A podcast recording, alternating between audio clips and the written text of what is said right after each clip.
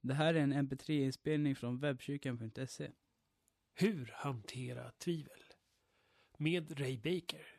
Inspelningen är ett samarbete mellan Credoakademin och webbkyrkan.se.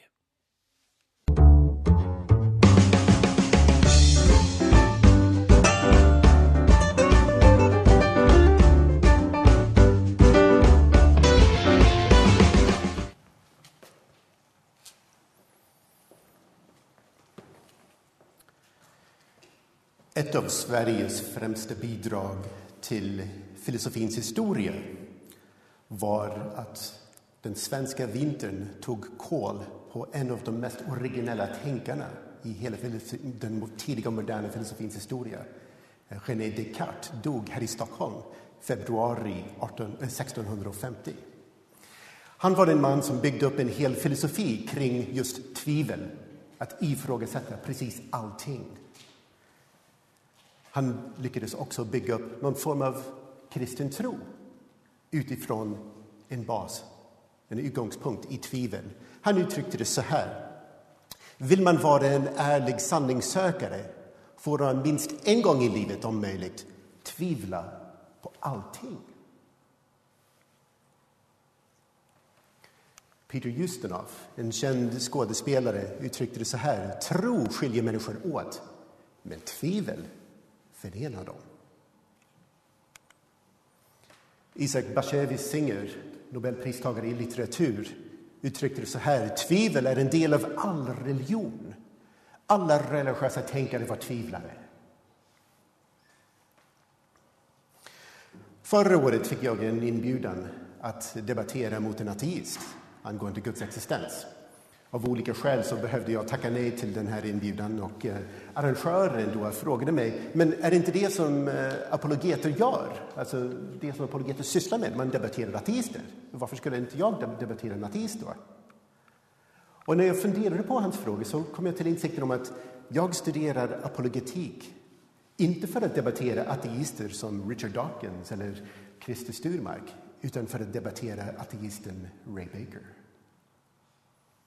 De flesta dagar tror jag nog på Gud, men eh, det finns vissa dagar. Jag, jag, tycker, jag instämmer fullständigt med den ryske författaren eh, Fjodor Dostojevskij som skrev Det är inte som ett barn jag tror på och bekänner Jesus Kristus. Mitt Hosianna föddes ur tvivlets elddop. Sankt Teresa av Avila uttryckte det så här.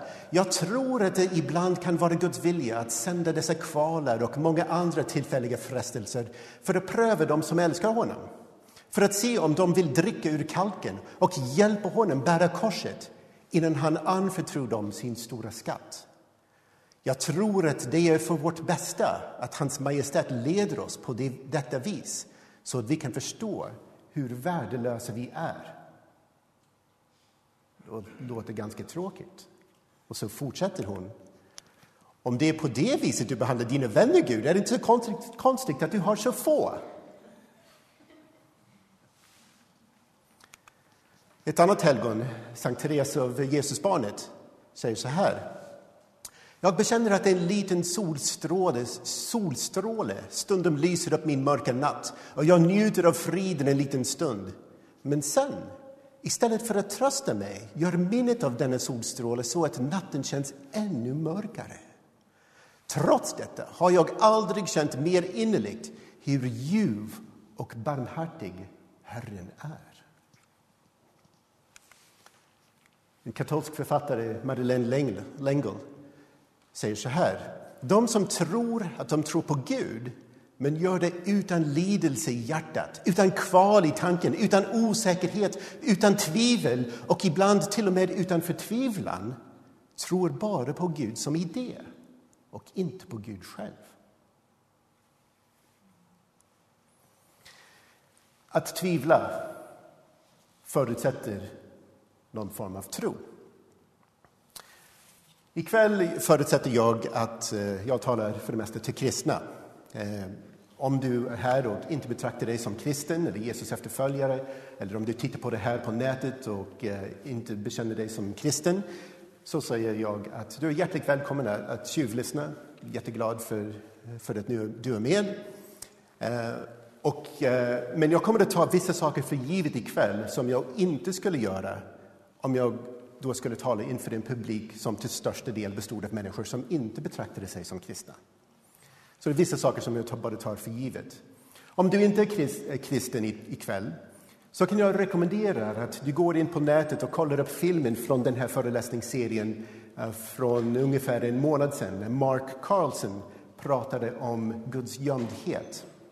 För där eh, belyser han en annan aspekt av tvivel. Eh, något som kanske är mer relevant för människor som inte betraktar sig som kristen. Där presenterar han ett argument mot Guds existens utifrån det som kallas för Guds gömdhet. Så att jag kan rekommendera att ni, ni tar en titt på, på den här filmen också. Men ikväll så kommer jag att fokusera på tvivlet som många, och kanske till och med de flesta kristna, de flesta troende människor kan känna ibland. Nu, det är viktigt att eh, göra en distinktion här mellan tre olika former av tvivel. Vi har för det första ett intellektuellt tvivel. Och sen finns det ett känslomässigt tvivel. Och för det tredje så finns det ett viljemässigt tvivel. Och vi kommer att titta på var och, vart och ett av dessa. Vi börjar med intellektuellt tvivel. Alltså, intellektuellt tvivel har oftast att göra med de eh, mer grundläggande sanningsanspråken som finns i den kristna tron. Alltså, det är riktiga problem här. Om man eh, verkligen brottas med frågor som Guds existens. Existerar Gud överhuvudtaget? Frågor om Jesu uppståndelse. Har han en död människa verkligen blivit levande igen? Frågor om Bibelns tillförlitlighet.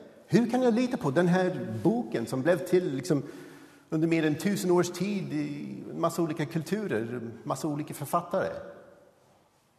Och det är viktiga frågor. Och många av de andra föreläsningarna som vi har haft i den här serien har tagit upp just de här frågorna.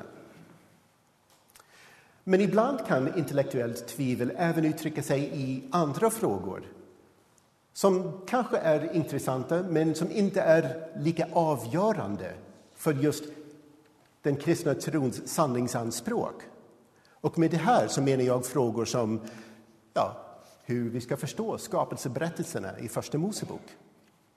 Eller historiska hemskheter som har begåtts i kyrkans namn eller i Guds namn. Jag tänker på korstågen och inkvisitionen och häxjakter och eh, förföljelse mot naturvetare med mera. Det är viktiga frågor, men det är inte avgörande för den kristna trons sanningsanspråk. Eller hur kristna förhåller sig i vissa etiska frågor. Samma sak här. Det är en viktig fråga, men det är inte avgörande för att veta om kristen tro är sann. Men en bra sak som vi kan säga om eh, intellektuellt tvivel är att intellektuellt tvivel hjälper oss att upptäcka felaktigheter i hur vi och andra människor tänker. Så vi tror att kristen tro är sann. Vi tror att den tål granskning. Den tål att ifrågasättas. Det är ingenting som man ska vara rädd för.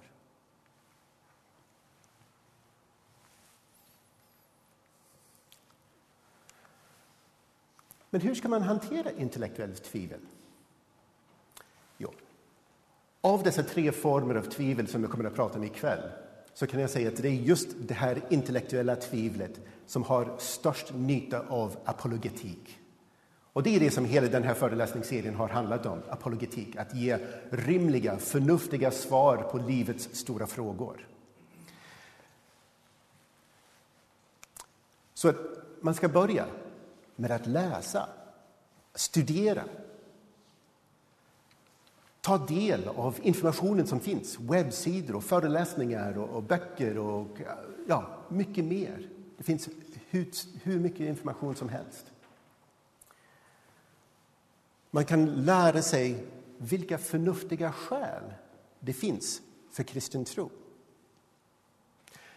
Eftersom hela den här föreläsningsserien har egentligen handlat om specifikt de här frågorna så kommer jag inte att upprepa svaren på de här frågorna. Varför vi tror att Gud existerar eller varför vi tror att Bibeln är tillförlitlig eller varför vi tror att, att Jesus har uppstått från de döda. Så, eh, så som sagt, jag får lämna er med eh, de andra föreläsningarna i den här serien eller böckerna som vi har här på bokbordet.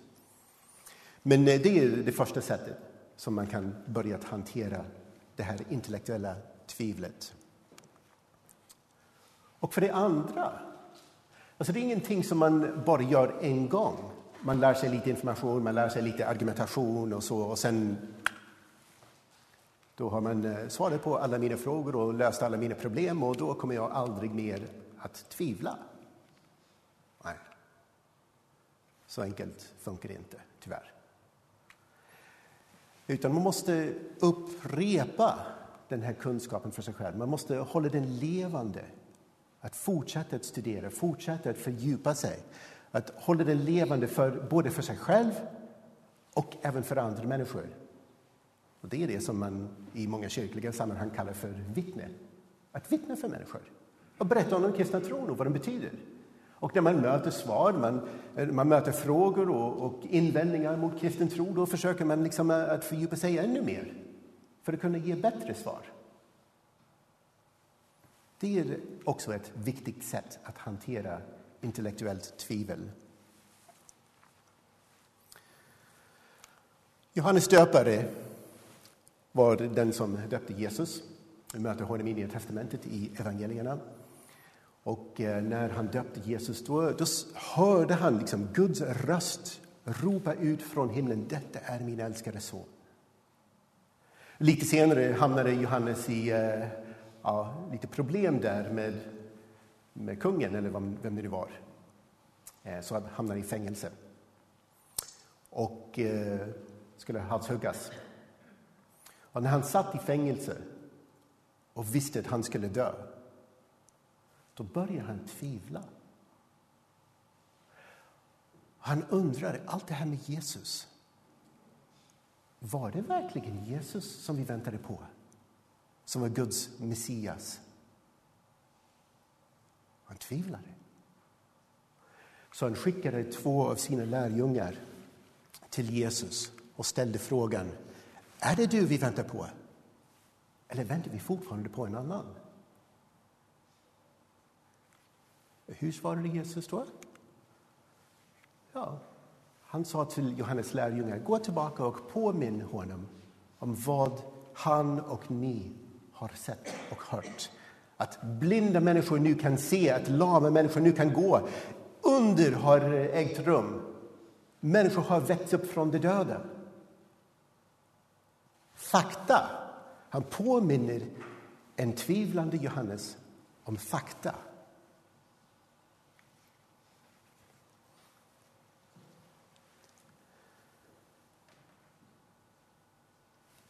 Johannes behövde bara hålla den här kunskapen, det som han visste, för han var ju med, han hade sett sådana saker. Han hade sett dessa under. Men han behövde hålla den här kunskapen levande för sig. Han behövde en liten påminnelse, helt enkelt. Och det intressanta, tycker jag, är att trots att Johannes tvivlade så kommer Jesus med ett uttalande om Johannes och säger så här. Ingen av kvinnor född har trätt fram som är större än Johannes döpare precis i samma sammanhang när Johannes tvivlar och ifrågasätter.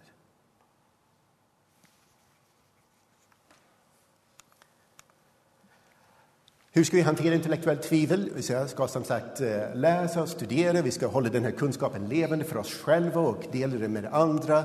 Men en tredje sak som jag tycker är väldigt viktigt är att man ska inte äh, låta tro på några fakta om Gud eller om Jesus bara förbli en teoretisk abstraktion utan det är någonting som ska sjunka ner i en människas hjärta.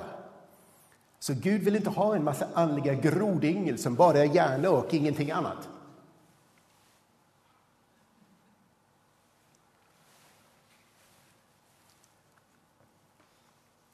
Men intellektuella frågor kring den kristna tron kan även vara ett sken som döljer andra former av tvivel såsom ett känslomässigt tvivel eller viljans tvivel.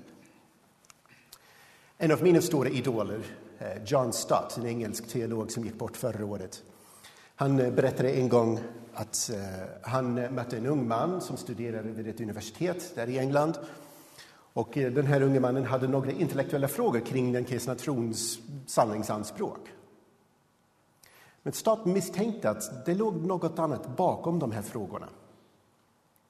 Så han sa till den här unge mannen Ja, det här är viktiga frågor som du har. Och jag tror att det finns förnuftiga svar. Men det kommer att ta tid. Det kanske tar många timmar att gå igenom svar på alla dina frågor så att du blir nöjd. Men det som jag vill veta först är om jag investerar många timmar på att svara på alla dina frågor, är du då villig att böja knä och bekänna Jesus som din Herre? Och den här unge mannen svarade ärligt, nej, jag tror inte det. För Stott hade mycket riktigt insett att dessa intellektuella frågor kring den kristna trons sanningsanspråk var bara ett sken som täckte över viljans tvivel. En vägran att böja knä inför Gud.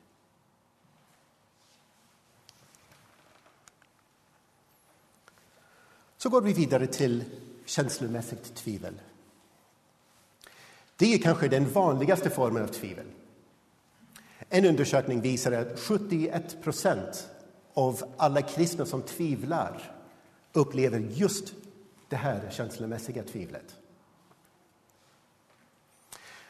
Det känslomässiga tvivlet uttrycker sig på väldigt många olika sätt. Så tvivlet på Guds godhet. Är Gud verkligen god? Tvivla på att man verkligen är kristen. Tror jag verkligen? Är jag verkligen kristen? Är jag frälst? Älskar Gud mig? Existentiella känslor av ångest och till och med depression. Känslor av att mina synder inte är förlåtna. Eller kanske till och med att jag har begått en synd som inte kan förlåtas. Eller oro inför framtiden eller till och med rädsla för att man ska hamna i helvetet. Så det finns väldigt många olika sätt som det här känslomässiga tvivlet kan uttrycka sig.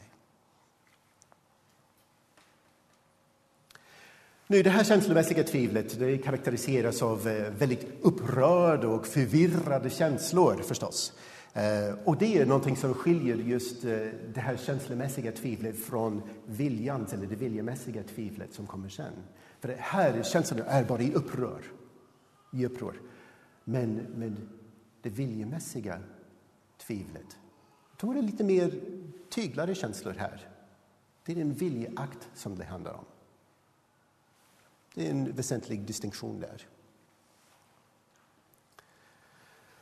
Nu, det känslomässiga tvivlet ibland kan eh, presentera sig som en form av intellektuellt tvivel. Och det är viktigt när vi, både när vi bearbetar vårt eget tvivel och när vi försöker hjälpa andra bearbeta sina frågor, att förstå distinktionen. Så när det handlar om riktiga intellektuella frågor, intellektuellt tvivel och när det handlar om känslorna. Ett par saker man kan säga här. Alltså, det handlar om eh, det känslomässiga tvivlet när de intellektuella frågorna man ställer har fått rimliga svar och man kanske först eh, är benägen att tro på, på de här svaren, acceptera svaren. Men sen när man går tillbaka till sitt tvivel utan att det har tillkommit ny information eller nya, uppgifter som underminerar svaren som man har fått på de intellektuella frågorna. Då är det ett bra tecken på att det egentligen handlar om det känslomässiga tvivlet och inte om intellektuella frågor. För det andra så kan man se att intellektuella frågor kring den kristna tro kanske är ett sken för eh, existentiellt eller känslomässigt tvivel när eh, man har fått svar på sina frågor. Och sen kommer man med en massa väldigt långsökta invändningar, långsökta frågor som det här men, eh, men tänk om Jesus aldrig ens har funnits? Eller, men Tänk om lärjungarna och Paulus bara liksom hittat, hittat på allt det här bara för att de skulle bli kända. Alltså när man, det är bara som att man bara försöker fånga upp vad som helst bara som en invändning mot kristen tro.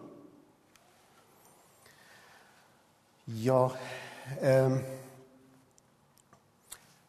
egentligen så kan man ifrågasätta precis allting om man bara börjar med vad som är möjligt. Men en klok människa bygger sin tro och sitt liv inte på det som är möjligt utan på det som är rimligt och det som är sannolikt. Så att vi ser att om en människa kommer med såna väldigt långsökta teorier, konspirationsteorier kring Bibeln och Gud och allt sånt där eh, kan det vara ett tecken på att den här människan egentligen kämpar med eh, någon form av eh, känslomässigt tvivel eller viljans tvivel och inte med eh, intellektuella frågor. Trots att man kanske formulerar det som just en intellektuell fråga.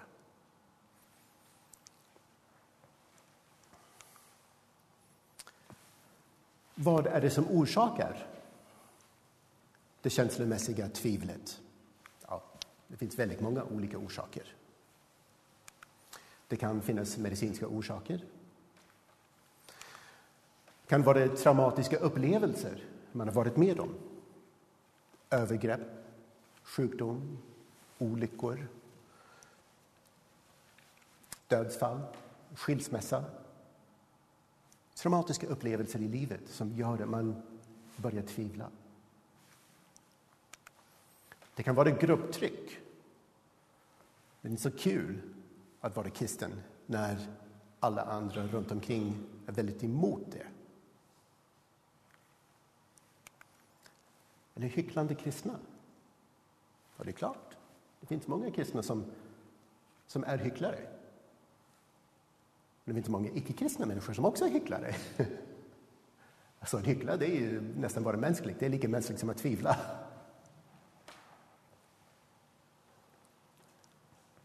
Eller en felaktig gudsbild kan också vara en möjlig orsak till det känslomässiga tvivlet.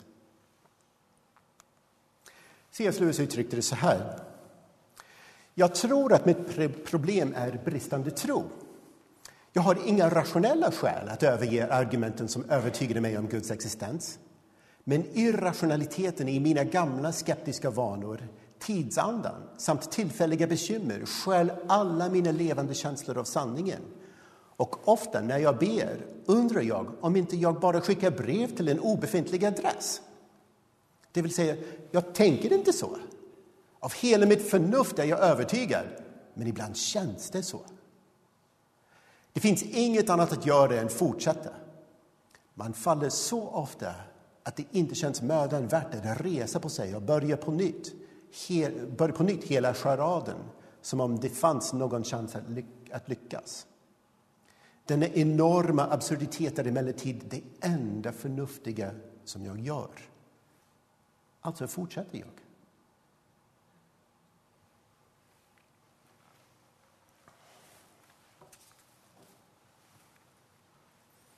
Det var från ett brev till eh, en av hans vänner.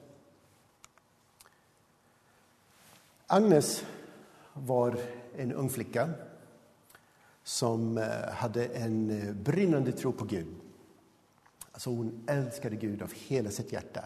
Eh, så hon ville utföra stora verk för Gud. Och hon uttryckte så här att jag vill älska Jesus så som han aldrig har älskats tidigare. Så hon bara brann hela, hela sitt väsen då för att älska och tjäna Gud. Hon visste att eh, Jesus var med henne, att Gud hade kallat henne. Och hon tvivlade inte, så hon blev missionär. och åkte ut i världen.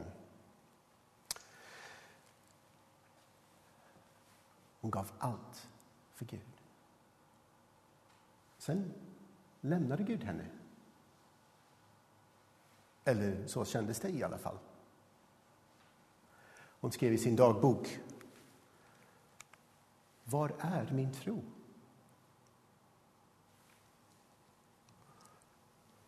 Och också allra djupast, längst in, finns ingenting utom tomhet och mörker. Min Gud, så plågsam denna obekanta smärta är. Jag har ingen tro.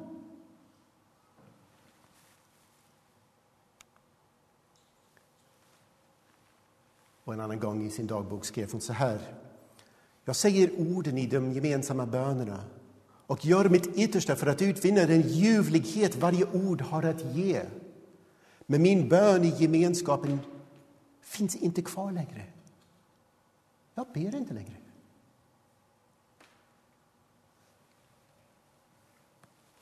Men trots detta så fortsatte hon att jobba som missionär. Var hon då en hycklare?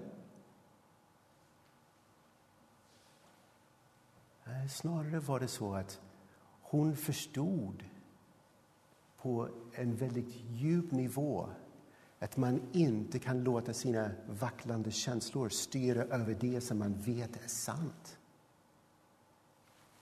Agnes, ni känner igen henne som Moder Teresa.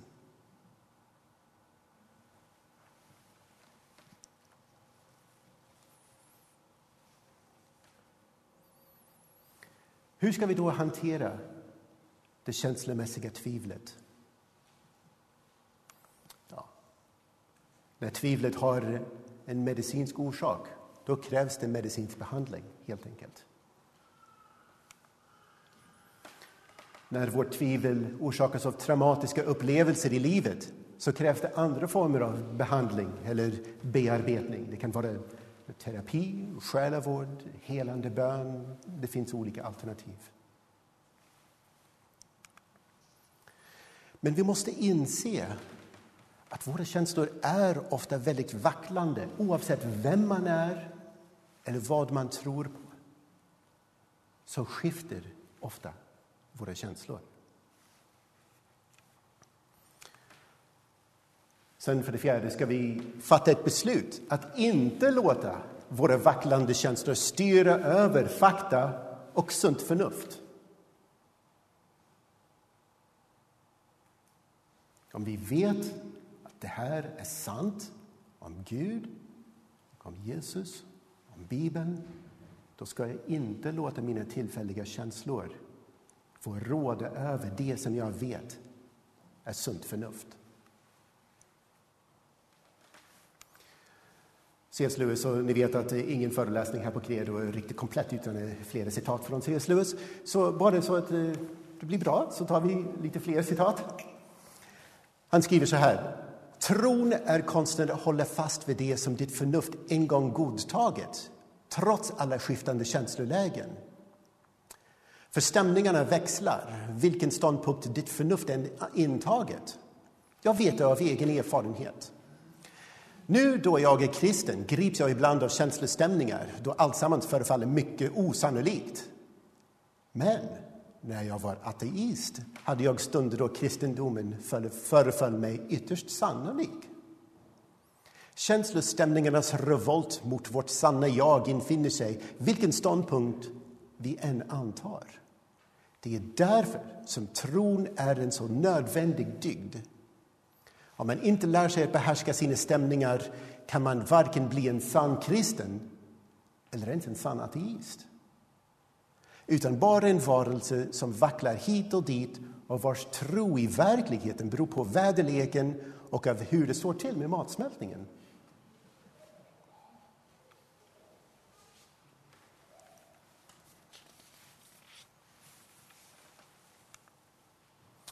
Och sen för det femte, hur ska man hantera känslomässigt tvivel? Vi ska också påminna oss själva om det som är sant med kristen tro och uttrycka denna sanning i bön och i tillbedjan till Gud. Om vi vet att det är sant. Det får inte bli en teoretisk abstraktion som vi sa. Utan om det nu är sant att Gud är en personlig Gud, att Gud älskar oss, att Jesus har dött för våra synder, då krävs det då att vi överlåter oss i en levande relation med Gud.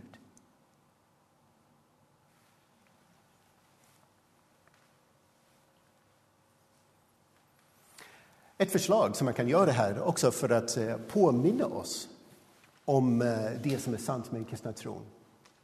Man ska föra en bönedagbok. Jag vet inte om det är någon här som gör det eller har gjort det någon gång. Eh, men man har ett anteckningsblock och man skriver ner olika saker som man ber för. Och kanske till och med med datum när man börjar be för det här. Och sen eh, allt eftersom, när Gud börjar svara på dessa böner, då skriver man också ett svar där med datum. Efter ett par månader, ett halvår eller så, så börjar man att se hur många bönesvar jag har fått uppleva. Och även i stunder av tvivel så kan jag gå tillbaka till det här anteckningsblocket och, och kolla och se. Gud är inte frånvarande. Det är inte så att Gud är långt borta, utan Gud fortsätter att bry sig om mig och sakerna som jag bekymrar mig för. Ett litet tips. Och sen för det tredje så har vi också ett viljemässigt tvivel. Här finns eh, stora likheter med det känslomässiga tvivlet. Men man kan säga att eh, när eh, det känslomässiga tvivlet karaktäriseras av väldigt liksom, upprörd och förvirrade känslor och, och man vet inte liksom, hur man ska hantera eller vart man ska ta vägen och så. Här finns eh, en större, ett större lugn, kan man säga. Mer tyglade känslor. Viljans beslut. Man fokuserar mindre på känslor och mer på beslutsfattande processen. Det finns olika former av viljemässigt tvivel här. Tvivel på grund av bristande tillväxt som kristen. Det, det, är det som händer när en människa som har kanske tagit de första stegen i kristen tro och så, men sen inte växer som kristen. Det händer ingenting. Man har inte upplevt eh, några förändringar i sitt liv eller så. Eh, man förmår inte uppleva eller ge uttryck för det nya livet man har i Kristus. Så man lever helt enkelt inte i sanningen.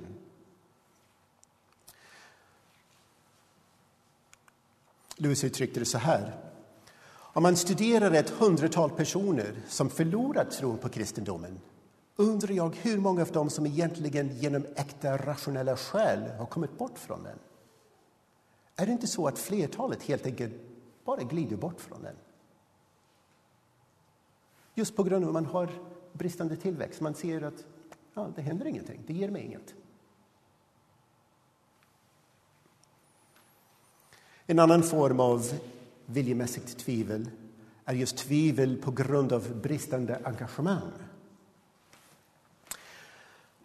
Det här eh, har ingenting att göra med sanningen. Alltså, svagheten ligger inte i det som är objektet eller målet för den kristna tron. Det ligger problemet ligger inte i Gud själv, eller så, utan det ligger helt och hållet i mig som tvivlaren. Eh, att jag är ovillig att överlåta mig till sanningen som jag känner till. Alltså om man eh, framhåller men, alltså, lydnaden och, eh, och tron, alltså, det är någon slags balansgång där. Alltså, man betonar lydnad, bortsett från tron, då hamnar man i någon form av lagiskhet eller fariseism. Men betonar man bara tron, bortkopplad från lydnaden, då hamnar man i någon form av fideism, alltså där man tror bara för trons skull, bara för att.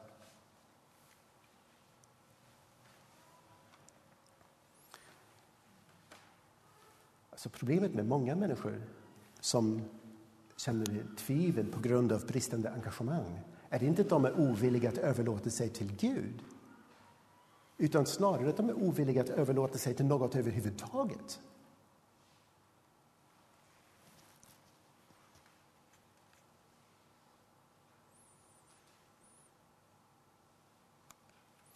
Och sen för det tredje kan vi se ett tvivel som är på grund av ovilja att ångra synd eller synder i ens liv.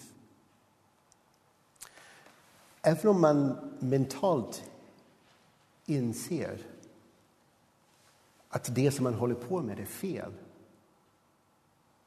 så vill jag inte sluta. Och Bibelns tydliga undervisning här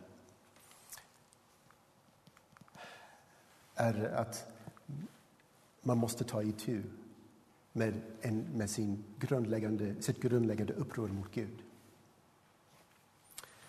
Jag kände för länge sedan en människa som um, var i en osund relation med en annan person. Och eh, hen visste att det var en osund relation men var inte villiga att ta de nödvändiga stegen för att bryta dessa mm, så destruktiva beteendemönstren som fanns i relationen. Och han tvivlade. Tvivlade på Guds godhet. Tvivlade på eh, sanningen, tvivlade på att kristen tro var sann. Jag tyckte att det var ett klassiskt, eller väldigt typiskt exempel på just viljans tvivel, eller det viljemässiga tvivlet. När jag frågade honom varför han, eh, varför han inte bröt den här relationen, då svarade han ja, men just nu är den här personen viktigare för mig än Gud. Och då insåg jag det är avgudadyrkan. Hen hade gjort den andra personen till något som är viktigare än Gud. Och när hen inte var villig att komma till Gud och bekänna sin synd av gudadyrkan. Det är inte så konstigt att han inte mådde bra. Det är inte så konstigt att man tvivlar. Att man tvivlar på Guds godhet.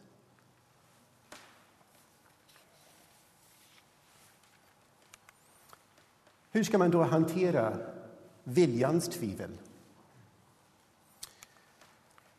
Ja, om det nu handlar om synd, då måste man helt enkelt överlåta sig till Gud. Man måste ångra sin synd, man måste bekänna sin synd. Och det här är inget önsketänkande. Och så det är en rimlig respons till Gud om allt som vi vet om Gud verkligen är sant. Då är det den enda rimliga responsen som vi kan ge.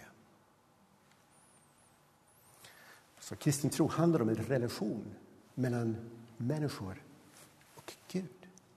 Personlig, kärleksfull Gud. Och för det andra så ska vi sluta att ljuga för oss själva och låtsas att våra frågor egentligen är intellektuella frågor när det ytterst sett handlar om en ovilja att överlåta sig till Gud. Ursäkter som ja, men eh, jag kan inte rå för det. Eller eh, ja, men eh, du förstår inte vad han gjorde mot mig då. Det, det är orsaken till allt det här som jag går igenom. Så, att försöka skjuta ifrån sig skulden. Så det funkar inte.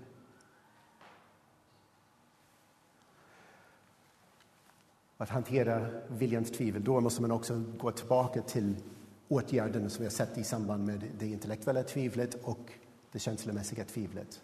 Liksom läsa, förstå fakta, vad det är, upprepa dessa fakta för sig själv. Eh, allt det där ingår.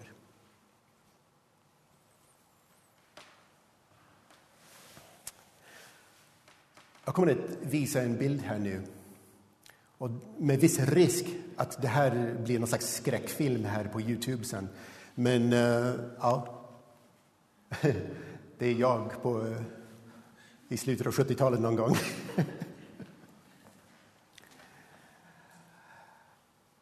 Eh, när jag var liten så, så var inte min familj kristen. Båda mina föräldrar kom till tro som vuxna. Eh, och när mina föräldrar kom till tro så började vi gå i en otroligt sträng fundamentalistisk församling av, av, den typ som inte ens finns här i Sverige. Så det är sånt som bara liksom, extrema amerikaner kan komma på. Ja, eh, och här i den här församlingen, i den här miljön, så, så var det liksom väldigt tydlig antiintellektualism som rådde där. Alltså, man behövde inte ha intellektuella skäl för den kristna tron. Och det var snarare så att man, man såg ner på människor som sökte intellektuella svar. Man sö, såg ner på människor som, som ville utbilda sig, som ville läsa på universitet. Och jag hade aldrig ens hört talas om apologetik eller att det, det, skulle finnas rationella skäl för den kristna tron. Alltså, allt det var fullständigt främmande för mig. Så jag började känna en, en, ett intellektuellt tvivel. Jag visste att jag hade haft en upplevelse där jag blev frälst. Jag gick fram liksom i kyrkan då och kröp här vid altarringen och bad en bön till Gud och Jesus kom in i mitt hjärta. Men hur visste jag att det var det som Gud verkligen krävde av mig? Om nu Gud fanns överhuvudtaget. Hur visste jag att min församlings bibeltolkning var sant och inte katolska kyrkans bibeltolkning eller Jehovas vittnens bibeltolkning eller någon annan bibeltolkning?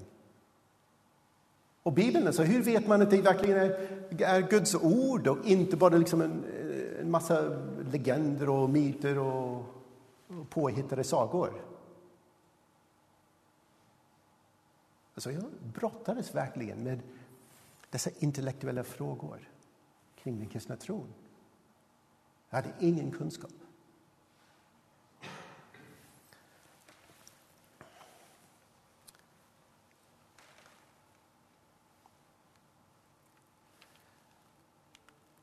Och så kom ett känslomässigt tvivel. Det var en ungdomspastor i församlingen där jag hade varit som, som tonåring. Och han var något av en förebild för mig, en mentor och så. Och det var han som rekommenderade den här bibelskolan som jag läste på just då. Och så blev han ihop med en av tjejerna i ungdomsgruppen som var i samma ålder som hans egna barn. Så han lämnade sin fru, lämnade sina barn för att flytta ihop med den här tjejen.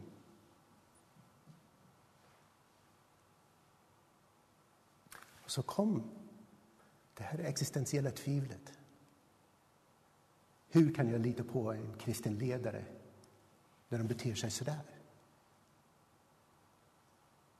Och det har tagit väldigt många år för mig att kunna lita på kristna ledare att kunna lita på pastorer. För att det fanns alltid den här känslan eller misstanken att ja, ja, det kommer att skita sig. Det går inte att lita på dem.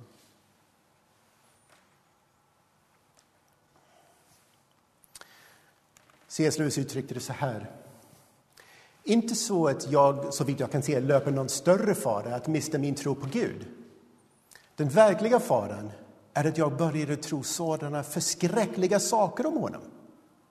Den slutsats jag fruktar är inte att det inte finns någon Gud när allt kommer omkring, utan ja, detta visar vad Gud verkligen är. Lura inte längre dig själv. Och så tänkte jag, ja, om det är på det här viset att Gud är, då vill jag inte ha med honom att göra. Så jag började smida planer att hoppa av mina teologistudier och, och läsa juridik istället. Det är inget fel med att läsa juridik. Det är, det är ett bra yrke. Men innan jag kunde genomföra mina planer så kom en, eh, en man till våra morgonsamlingar som vi hade på den här bibelskolan. Så vi hade obligatorisk närvaro på typ gudstjänster tre gånger i veckan. Där. Och oftast var det ganska dåliga fundamentalistiska predikanter som kom, eh, för det mesta. Men här var det en man, jag visste inte vem han var, hade aldrig hört talas om honom eller så, men när han kom in så gillade jag honom. För han hade långt hår, och det fick inte vi ha. Vi måste vara liksom kortklippta. Och så hade han skägg, och vi fick inte ha mustasch eller skägg. Eh, och så behövde vi alltid gå med slips eh, på alla lektioner och sånt. Och, eh, och sånt. Så kom han och han hade ingen slips. Och han hade liksom vandringskängor och knäbyxor och knästrumpor på sig. Och så började han tala. Och jag hade aldrig hört en sån människa tala på det här sättet i hela mitt liv. Han pratar om stora konstverk av Marcel Duchamp Picasso. Han pratar om stora litterära verk av Jean-Paul Sartre Albert Camus. Han pratar om liksom, stora idéer med existentialism och förtvivlans linje och, och, mycket mer. Och jag fattade inte mycket av det som han sa, men jag satt där på stolkanten och, och liksom, ge mig mer. Jag måste ha mer. Ge mig bara mer. Och direkt efter eh, gudstjänsten då sprang jag ut i eh, bokhandeln och köpte en bok av den här mannen, Francis Schaeffer. Och så småningom så läste jag alla böckerna som han skrev.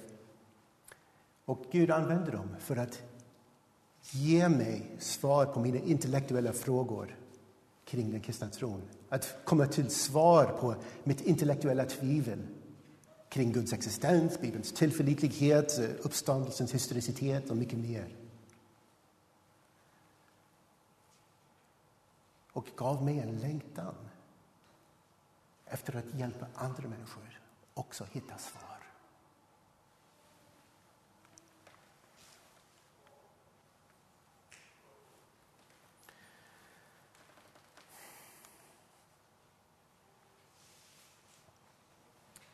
Fideism är ett perspektiv som man möter i vissa religiösa, alltså vissa delar av kristenheten kan man säga. Där eh, man tror trots förnuftet. Man tror på grund av att det är absurt. Och idén här, som illustreras med det här loket, eller det här tåget, är att det är känslorna som styr. Jag följer mina känslor och det är det viktigaste när man ser på hela den här bilden som är min tro och mitt liv. Allting styrs av mina känslor. Men Francis Schaeffer han var noga med att betona att, att det här är inte biblisk kristen tro. Det är inte det som vi möter i Bibeln. Utan vi ser det snarare så här. Det är fakta som är det viktigaste. Det är fakta som är utgångspunkten. Men det får inte bara bli fakta som teoretiska abstraktioner utan det kräver även tro, att man ska sätta sin tillit på det som man vet är sant. Och sen om det kommer känslor, då är det desto bättre. Men inget krav. Tåget funkar alldeles utmärkt utan känslorna. Men visst är det fint när det finns lite passagerarvagnar.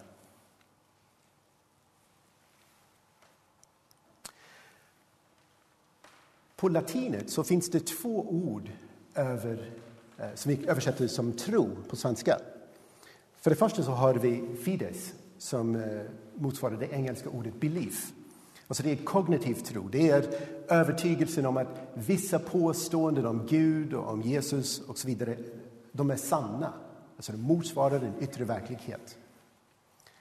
Men sen finns ett annat ord som också översätts som tro och det är fiducia som motsvarar det engelska ordet, eh, det engelska ordet faith. Det är fiduciell tro. Och här är det den personliga överlåtelsen, tillit. Att man gör någonting utifrån det som man vet är sant. Och det är sann biblisk tro. Så fiducia är beroende av fides. Det måste ha en grund i fakta. Men det räcker inte med bara fakta, utan det också måste finnas en överlåtelse. Det måste finnas tillit. Det måste finnas en levande relation.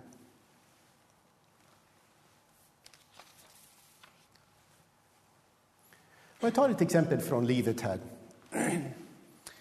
Eh, mina vänner och de som har gått Credo-akademin, de vet att eh, jag är typ den enda myndiga människan i hela Sverige som inte har mobiltelefon. Eh, och nu har det nästan blivit liksom eh, stolthet som hindrar mig från att skaffa mobil. Jag, jag vill inte ha mobil nu. Ja, men hur som helst, för ett antal år sedan då, när det inte var lika vanligt att ha mobil som det är nu, då skulle jag träffa min fru på Centralen. Eh, jag skulle åka direkt dit efter, efter jobbet här på Credo och hon skulle åka hemifrån. Vi skulle mötas där och göra någonting. Så då hade vi bestämt tid. Vi skulle träffas där vid ringen eh, på Centralen. Så jag kom dit på avtalad tid. Och eh, så kom hon inte. Jaha. Vänta lite. Ja. Nej, hon kommer inte. Jag kan inte ringa då, för att jag har ingen mobil. Man kan gå till min telefon och så, men förmodligen är hon inte hemma då, för hon är antagligen på väg. Men det är möjligt att bussen var försenad, eller hon missade bussen och alltså inte hann med pendeltåget.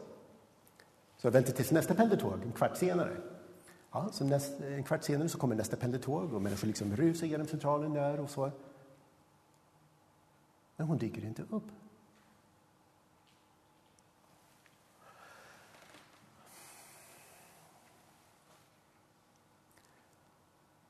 Hur reagerar jag? Jag står där inte och tänker men skärp dig nu, kvinna. Och så fattar du inte, det liksom slösar bort min tid. Jag står, jag stått här i en halvtimme och väntar på dig. Och liksom, jag har bättre saker att göra med min tid än att stå här och vänta. Och... Nej, så gör man inte.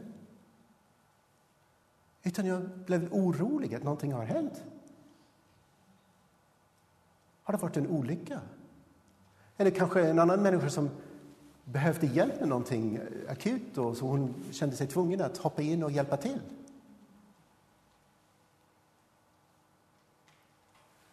På grund av att jag har en relation med henne, med min fru, då är jag villig att ge henne lite credit. Eller hur? Att förutsätta det bästa.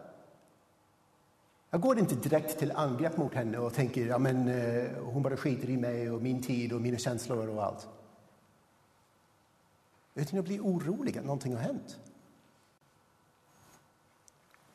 Så får det också bli med Gud. På grund av att vi har en tidigare relation med Gud så måste vi vara villiga att ge Gud lite credit även när Gud kanske inte dyker upp på avtalad tid.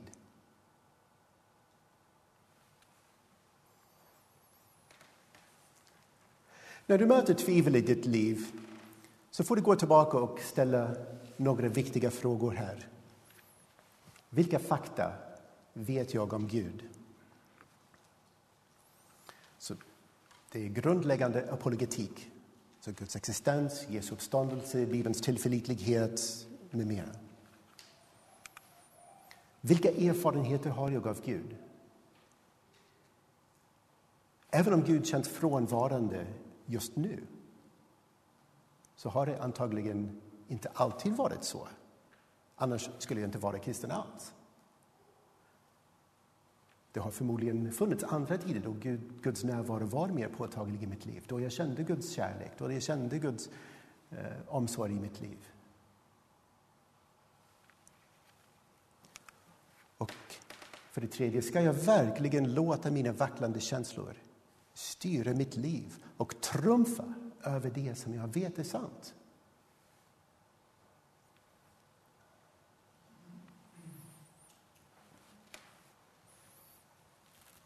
Jag kanske varit nyfiken på vad som döljer sig här på bordet.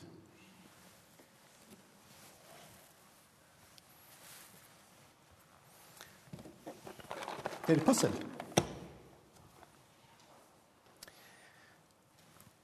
Eh, i min frus eh, barndomshem så älskar de att lägga pussel. Så, eh, jag är inte så förtjust i det, men jag kan väldigt lätt bli besatt av pussel när man väl börjar. Men, men, men, eh, som det nu är. när man ska lägga pussel, vad är det första som man gör?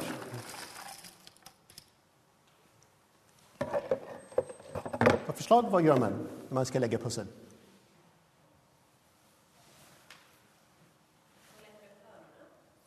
Ja, precis. Eh, man kan leta, eh, leta upp eh, hörnbitarna eller kantbitarna, de som har en rak kant där, liksom för att göra ramen först. Så att man vet vilka gränser som finns för den här bilden. Ja. Men grejen är med den här, det här pusslet är att det finns ingen rak kant. De har plockat bort det. Ja. Eller så andra som kanske vill börja med att vända på alla bitar. För att det är en, en del som har landat liksom en bildsida neråt. Så då ska man gå och liksom vända på alla bitarna här. Och då börjar man se lite mönster. Ja, här är en som är svart och här finns lite svart. Det är möjligt att de hör ihop på något sätt. Och den här. Ja, men kolla, här finns två bitar som hör ihop. Som sitter ihop. Ja. Ja, men det finns två till. Och ju längre man fortsätter, desto mer börjar bilden att ta form. Man kan se helheten. Just när man tittar på en enskild bit, en svart pusselbit här. Det är som med livet. Men tänk med livets stora pussel. Vi vet inte hur bilden ska se ut när allting är klart. Eller hur? Och just när vi befinner oss mitt i tvivlets mörka, mörka natt då är det svårt för oss att se hur det här bidrar till helheten för att skapa en vacker bild.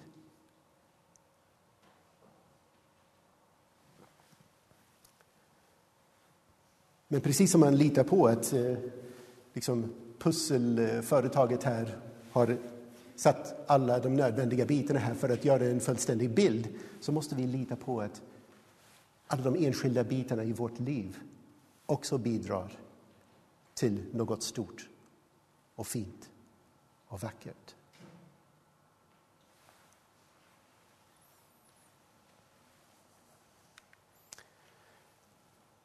Om du vill fortsätta att fördjupa dig i de, de här tankarna så kan jag rekommendera ett antal olika böcker här. Några som är lite äldre har några år på nacken här men eh, kan säkert beställas via antikvariebokhandlare på nätet.